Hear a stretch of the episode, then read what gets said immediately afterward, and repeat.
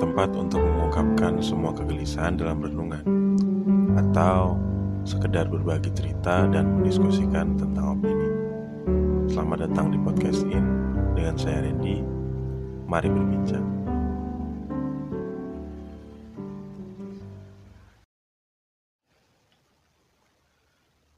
Kenapa ya sering gagal pas lagi PDKT? Gimana ya caranya biar hubungan bisa langgeng? Ya, kalian pasti sering dengar pertanyaan ini entah dari teman atau mungkin kalian juga pernah atau masih mempertanyakan hal ini.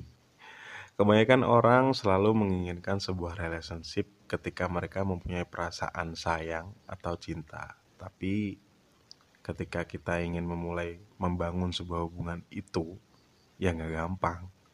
Karena bukan cuma kita yang ada di hubungan yang akan dibangun ini, tapi juga ada dia. Dan kita harus menyamakan visi, misi dengan dia. Nggak cukup sampai di situ aja. Ketika hubungan ini berhasil dibangun, kita juga harus berusaha berjuang buat mempertahankan sambil kita mengenal lebih dalam pantal relationship kita. Ya, agar mencapai suatu hubungan yang ideal dan biasanya kita bilang hubungan yang mendekati sempurna dan harmonis. Jadi di episode 6 kita bakal bahas soal relationship dan bahasa kasih.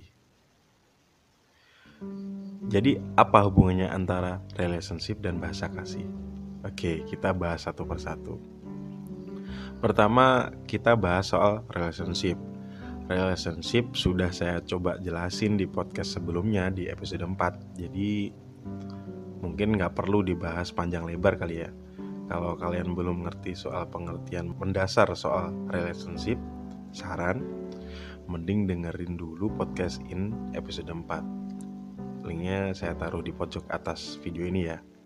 Baru nanti dilanjut dengan podcast yang ini. Oke, lanjut. Inti dari relationship adalah goal relationship yang kita bagi jadi dua. Goal jangka pendek dan goal jangka panjang. Langsung bisa di skip kita bahas soal bahasa bahasa kasih sekarang. Jadi apa sih bahasa kasih? Terus apa aja bahasa kasih ini dan gimana penjelasannya? Nah, referensi tentang bahasa kasih ini saya dapat dari buku yang berjudul The Five Love Language ditulis sama Gary Chapman di tahun 95. Buku ini sudah banyak menjadi referensi para penulis atau pembicara kalau bahas soal cinta dan relationship. Ya, for your information, Gary Chapman ini adalah sebuah seorang, sorry, adalah seorang konselor pernikahan yang punya pengalaman puluhan tahun. Jadi semacam buku ini dibuat dari hasil riset. Makanya banyak yang bilang walaupun keluaran tahun 95 sampai sekarang pun 2020 referensi dari buku ini masih valid untuk dipelajari dan diterapkan. Jadi si Gary ini bilang apa lewat buku ini? Buku ini menjelaskan bahwa ada satu hal fundamental yang harus kita sadari, bahwa people speak different love language. Ya gitu. Jadi masing-masing orang bicara dengan bahasa cinta yang berbeda-beda. Jadi kayak analoginya gini. Kayak kita lagi di Bali, terus ketemu sama wisatawan Inggris nih misalkan kita ngomong pakai bahasa Indonesia dia ngomong pakai bahasa Inggris. Yang sebenarnya dia mau say hello karena dia lihat orang Indonesia ramah. Tapi karena kita nggak ngerti bahasa Inggris apa yang dia omongin ya kita nggak ngerti. Dan akhirnya maksudnya dia akhirnya nggak tersampaikan. Malah kadang justru kita jadi tegang ngobrolnya. E, boro-boro ngobrol kita aja nggak ngerti dia ngomong apa kan. Nah, ini yang ditekankan dalam tulisan Gary Chapman ini. Terus maksudnya five love language. Nah, jadi bahasa kasih ini dibagi menjadi lima macam. Yang pertama yaitu word of affirmation.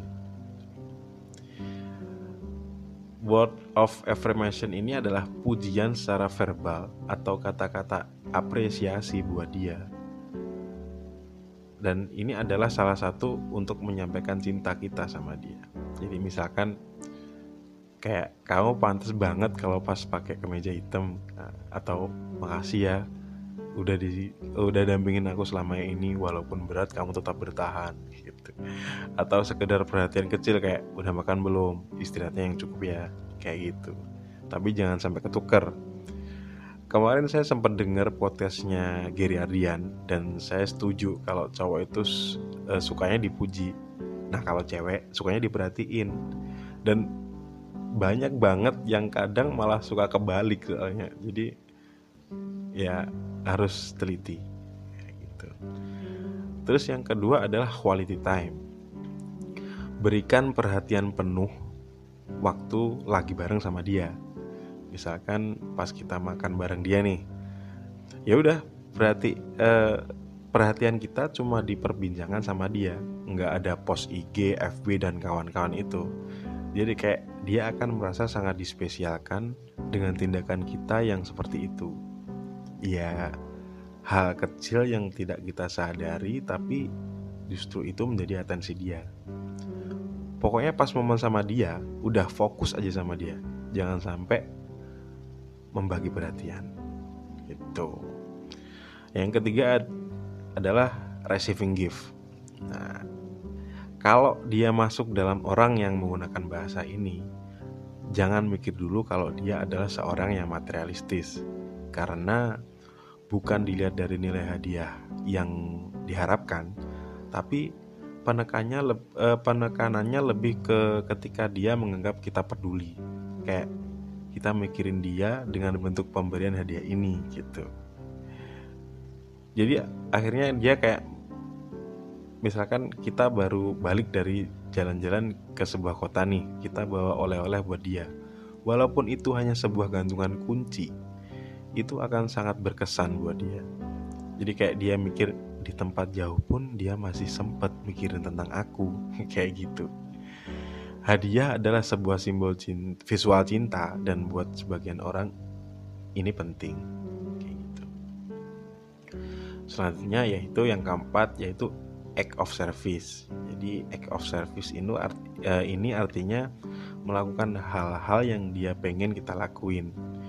Jadi kita mengekspresikan rasa cinta kita dengan melakukan hal-hal buat dia. Oke, contohnya kita ambil aja di case hubungan suami istri ya. Waktu dia sakit, kita melakukan hal-hal yang biasa dia lakukan sehari-hari. Kayak membersihkan rumah, memastikan makanan siap di meja. Jadi, dia bisa istirahat dengan tenang dan segera pulih. Kayak. Kurang lebih kayak gitulah. Dan yang terakhir yaitu physical touch. Nah, ini yang agak repot. Gimana yang jelasnya yang satu ini? Kita langsung bikin contoh aja deh. Bagi dia, penting dan sangat berarti kalau kita lagi jalan-jalan sama dia, terus kita gandeng tangannya. Ya, kalian kebayang nggak maksud dari uh, love language yang kelima ini? Kurang lebih seperti itulah. Jadi apa peran bahasa kasih dalam sebuah relationship? Jawabannya adalah sangat penting. Relationship adalah sebuah uh, gimana ya? Sebut aja sebagai tim. Jadi relationship kita sebut sebagai tim, bahasa kasih kita sebut sebagai kode buat komunikasi. Kalau misalkan kita analogikan sebuah tim dayung cepat nih. Ketika kode yang digunakan kapten yang biasanya di paling ujung kapal yang uh, dia bawa bendera buat ngomando gitu dan pendayung nggak sama nggak apa sama kok kode komunikasinya ya jangankan jadi juara bisa jadi kapalnya malah bisa kebalik karena tidak ada yang paham dengan kode yang diberikan si kapten paham ya dengan analogi ini ya kita anggap ngerti deh tulis di komen uh, di kolom komentar aja kalau ada yang kurang jelas atau kurang pas. Oke, balik ke pertanyaan di depan tadi. Kenapa ya sering gagal pas lagi PDKT atau gimana ya caranya biar hubungan bisa langgeng? Kalian pasti udah ada gambaran jawabannya kan pasti. Ya kalau lagi PDKT kita harus tahu dong apa bahasa kasihnya dia. Lewat bahasa kasih uh, maksudnya lewat bahasa kasih mana yang membuat kita bisa memahami apa maunya dia terus gimana caranya kalau kalian bisa jeli mengamati karakter dia, mungkin mudah untuk tahu apa bahasa kasihnya. Tapi bila kamu bukan seorang yang mempunyai kemampuan analisa tinggi, ya nggak ada salahnya dong kita mengaplikasikan satu persatu dari lima bahasa kasih itu. Pasti hasilnya bakal ketahuan mana yang merupakan bahasa kasihnya dia. Dan gimana supaya tetap langgeng? Nggak jarang juga kan pernikahan terjadi karena alasan mereka ada dalam kondisi empty love. Misalkan pernikahan karena perjodohan. Tapi seiring berjalannya waktu, salah satu dari kalian pasti mulai mempunyai aspek uh, intimasi dalam dirinya, alias mulai peduli dan akhirnya nyaman dan mulai memikirkan tentang bagaimana tiga komponen cintanya Robert G. Sternberg bisa ditimbulkan. Sebenarnya sama aja kayak PDKT, bedanya ini sudah uh, sudah dalam fase pernikahan aja gitu. Gimana? Lumayan ber bermanfaat nggak buat referensi kita? Ya sebenarnya saya tipe orang yang lebih suka visual presentation daripada harus membaca Cuman karena pengen bikin podcast yang layak buat kalian dengerin, akhirnya saya mulai terbiasa membaca dan ternyata seru juga sih. Ya bagaimanapun bahasa komunikasi hal yang sangat mendasar, khususnya dalam relationship. Karena apa pun bentuk relationshipnya dengan komunikasi yang efektif, pasti akan mudah untuk mencapai goal.